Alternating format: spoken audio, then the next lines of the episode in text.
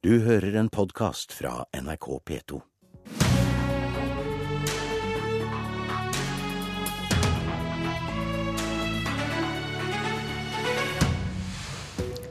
Venstre vil bruke mindre oljepenger og berge bistanden. Da må det kuttes kraftig andre steder. Hva vil to milliarder i innsparinger på arbeidsavklaringspenger ha å si? Norge støtter ikke atomvåpenforbud i FN-røysting i natt. Hvordan forklarer utenriksministeren det? Velkommen til Politisk kvarter tirsdag. I dag starter budsjettforhandlingene i Stortinget mellom de fire samarbeidspartiene. Med seg inn i forhandlingsrommet har Venstre sitt alternative budsjett som partiet la fram i går. I det budsjettet sier Venstre at eh, partiet vil bruke langt mindre oljepenger enn regjeringa, og de vil bevare det meste av bistanden som regjeringa vil ta bort. Da må partiet finne innsparinger andre steder, og ett forslag er å justere grensa for hvor lenge en kan få arbeidsavklaringspenger. Den er i dag på fire år. Venstre vil sette den til tre år. Dette er penger som gir deg inntekt når du har sykdom eller skade og har behov for hjelp fra Nav for å komme i arbeid. Når en da kutter lengden fra fire til tre år, sparer en staten for utgifter på 2,2 milliarder, står det i budsjettforslaget. Stortingsrepresentant Sveinung Rotevatn, hvordan sparer en så mye penger på det? Det gjør en jo gjennom at eh, folk eh, i stedet for å gå et siste år på arbeidsavklaringspenger, Eh, heller begynner å arbeide, eventuelt blir eh, sendt over til uføretrygd. Eh, formålet med arbeidsavklaringspenger er jo nettopp å få den avklaringa. Altså det er inntektssikring som skal være der når en er usikre på en Nav-bruker. Og da er jo formålet at en skal finne ut om de har ei framtid i arbeidslivet, eller om de bør over på uføretrygd, eller en kombinasjon av det. Formålet med endringa vår er at den avklaringa Eh, skal, og den bør, skje fortere enn i dag. Fire år det er veldig lang tid. Så det er rett som du sier at ved å gjøre den endringa, så sparer en jo også staten for betydelige utgifter. Men vi begynte å jobbe med den endringa lenge før vi visste hva summer vi snakka om. For det formålet er for så vidt ikke å spare penger, selv om det selvfølgelig er en fordel for budsjettet. Formålet er å få avklart folk tidligere. Og det håper og tror vi at den endringa med å stramme inn fra fire til tre år vil bidra til. Så forutsetninga er at uh når de fleste som da får arbeidsavklaringspenger på fjerde året, heller er i arbeid, så sparer staten eh, penger på det. Ja, det gjør staten. 2,2 eh, milliarder har vi fått beregna fra Finansdepartementet. Eh, og det er selvsagt midler som en kan bruke på andre eh, nyttige tiltak. Ikke minst nyttige da, tiltak for å sørge for at folk blir friske og holder seg i jobb. Men for, da forutsetter du at folk som går på en støtteordning på det fjerde året, faktisk kommer i jobb eh, automatisk, da? Ja, Du forutsetter at det skjer omtrent det som skjer i dag. Dvs. Si at en viss prosentandel vil gå over til uføretrygd, helt eller delvis. Eh, mens eh, om lag halvparten vil gå tilbake i jobb. Eh, målet må selvfølgelig være at flest mulig går tilbake i jobb. og Det er nok mange grep en bør gjøre for å ta det, men det vi vet er jo at når en nærmer seg slutten av en vedtaksperiode på slike ordninger, så tar det seg opp ganske kraftig hvorvidt folk blir avklart hit eller dit. Og det at flest mulig skal bli avklart ut i arbeid så fort som mulig, men senest i løpet av tre år, det er målet med den endringa. Rigmor Aasrud, du sitter i arbeids- og sosialkomiteen for Arbeiderpartiet. Hvis vi kan klare å få folk ut i arbeid ett år tidligere framfor å gi dem et års støtte, da er vel det gunstig? Ja, det er det. Hvis de som eh, er på arbeidsavklaringspenger er friske nok til å ut i jobb, så er jo det veldig bra. Eh, men jeg tror vi må se på de som er på arbeidsavklaringspenger nå. Det er jo folk med, som f.eks. har hatt en ganske tøff kreftbehandling, som bruker lang tid på å komme seg tilbake igjen i jobb. Det er mange ungdommer med psykiske lidelser, og de ungdommene kommer seg ikke ut i en jobb bare med å bestemme at du er frisk etter tre år. Så det å bruke penger på de ungdommene som gjør at de kan komme ut i arbeidslivet varig, tror vi er mye mer fornuftig enn å sette en ny frist for når du skal bli frisk igjen. Hva mener du er konsekvensen av Rotevatn sitt forslag, da? Ja, Det tror jeg blir mange som kommer til å måtte gå over på andre typer ytelser, som eh, ikke kommer seg ut igjen i fast arbeid. Jeg tror det kommer til å bli et større press på å komme seg på uføreordninger tidlig. Eh, for det, med det arbeidsmarkedet som vi har nå også, så viser jo forskning at når det er god tilgang på arbeidsplasser, så er det lettere for folk å prøve seg ut i arbeidslivet. Nå er vi i hvert fall i en situasjon der det er ganske tøft på arbeidsmarkedet.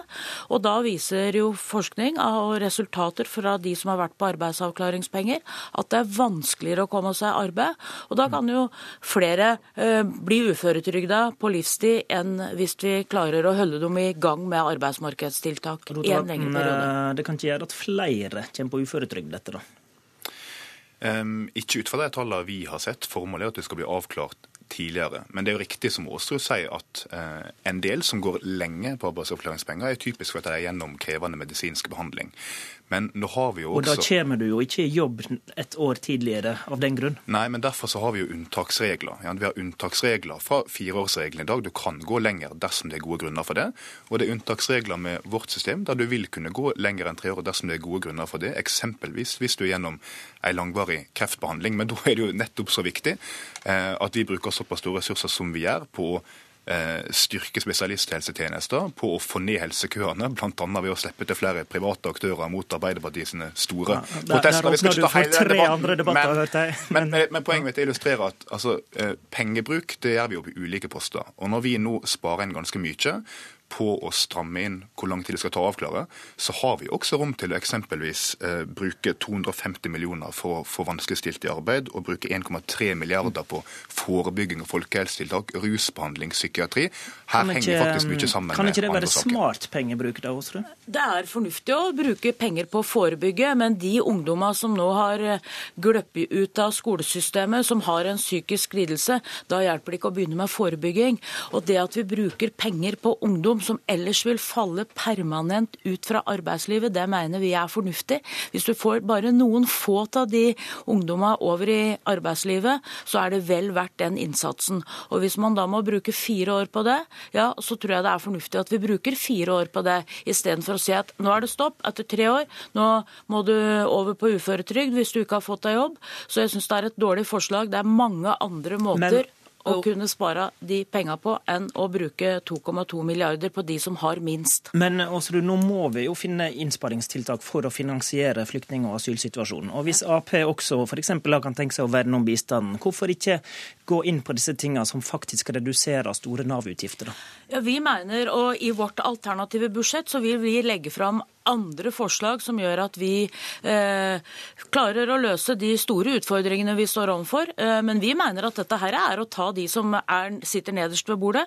Eh, I sitt alternative budsjett så sier Venstre at man eh, må være villig til å omfordele for at de som har minst skal få, få det bedre. Og dette her er ikke et godt forslag for å omfordele. Dette er de som har minst fra før, som har dårligst tilknytning til arbeidslivet og vil få enda større problemer hvis man da skal gjøre det som Venstre foreslår.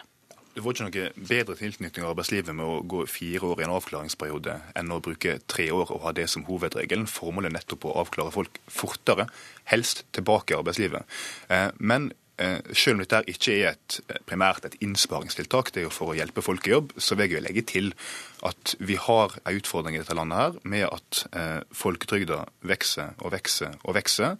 Vi er det landet eh, blant utvikla land som bruker den desidert største andelen av verdiskapinga vår på helserelaterte trygdeytelser. Det har gått fra 13% til 18% siden 1993. Og det er klart at Vi er nødt til å se kritisk på alle ordninger og se om de er gode nok for å få folk i jobb. Er det mulig å ha enda bedre insentiver, slik at det alltid lønner seg å jobbe, og at Nav har enda mer press på seg til å få folk avklart? Det er Venstre sitt mål og Derfor foreslår vi dette her i budsjettet. Vi får se hva de andre tre samarbeidspartiene sier til Venstres forslag. Forhandlingene starter som sagt i dag.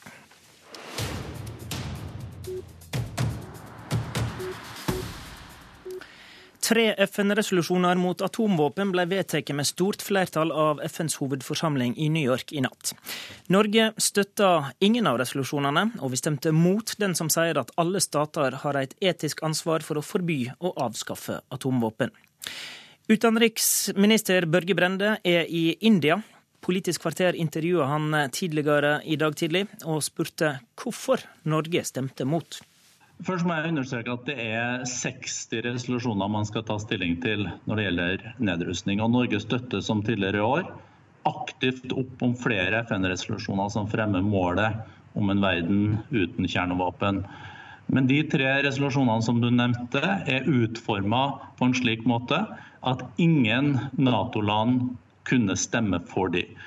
Eh, et forbud mot atomvåpen, slik de tar til orde for i disse resolusjonene, bryter faktisk med Natos strategiske konsept fra 2010, som slår fast at Nato vil være en kjernefysisk allianse så lenge det finnes kjernevåpen. Når Stortinget har eh, bedt regjeringa om å innta en offensiv rolle i kampen mot atomvåpen og for internasjonalt forbud, har da Norge gjort det i dag? Det Stortinget har eh, slått fast, er at eh, vi skal jobbe for en visjon om en atomvåpenfri verden. Regjeringa deler den visjonen. Stortinget har ikke tatt til orde for et forbud nå mot atomvåpen. Eh, det som eh, er klart, er at Norge som Nato-land eh, kan ikke en situasjon som vi er oppe i nå, bryte med det som er grunnlaget for Natos konsept, nemlig at Nato skal ha atomvåpen så lenge andre har atomvåpen. Vi må imøtese og gjøre sånn og imøteser en balansert nedrustning. Eh, det er eh, viktig. Men eh, disse resolusjonene som nå har ligget på bordet, er utforma slik at ingen Nato-land kunne gå for dem. Og i et sikkerhetspolitisk bilde som vi nå står midt oppe i, i Europa og i verden, så er det klart at Norge kunne ikke bli et fotnoteland i Nato.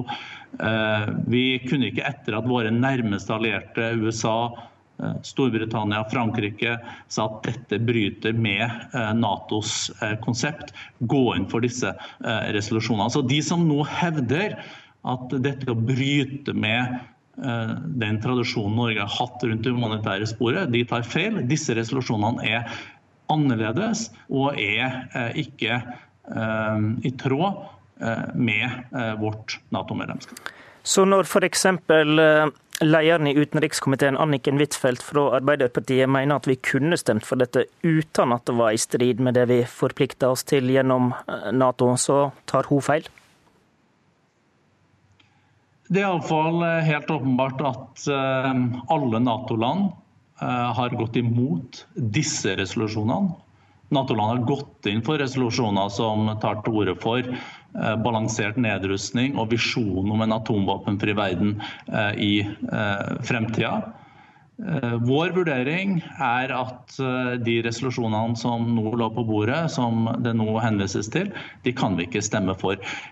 For Norge så er det å være en solidarisk medlem av Nato, forholde seg til Nato-konseptet, helt avgjørende. Og vi kan ikke den sikkerhetspolitiske situasjonen vi nå er i, eh, havne eh, i eh, en, en, en, situasjon hvor Norge som eneste Nato-land skal bryte ut av dette og stemme for resolusjoner som er i strid med Natos strategi og konsept. Ville det virka mot det langsiktige målet om eh, atomvåpenforbud der, Ja, altså vi, vi, kan ikke gå inn for et forbud uh, nå. Det som vi uh, jobber for, det er et humanitært uh, initiativ som ikke var polariserende, hvor man i fremtida kan se for seg Eh, en atomvåpenfri verden. Eh, men det må jo eh, være et balansert konsept. Hovedutfordringa i dagens situasjon er jo at vi ser at flere land er i ferd med å få atomvåpen. Vi må jobbe mer intenst mot spredning. Eh, vi er òg veldig bekymra for at ikke-statlige aktører kan eh, få fatt i eh, atomvåpen, og må jobbe mot det. Så det er viktige prioriteringer nå fremover. Har Norge stemt i tråd med holdningene som er vedtatt i Stortinget? Det har vi. Stortinget har ikke tatt til orde for et atomvåpenforbud her og nå. Du har hørt en podkast fra NRK P2.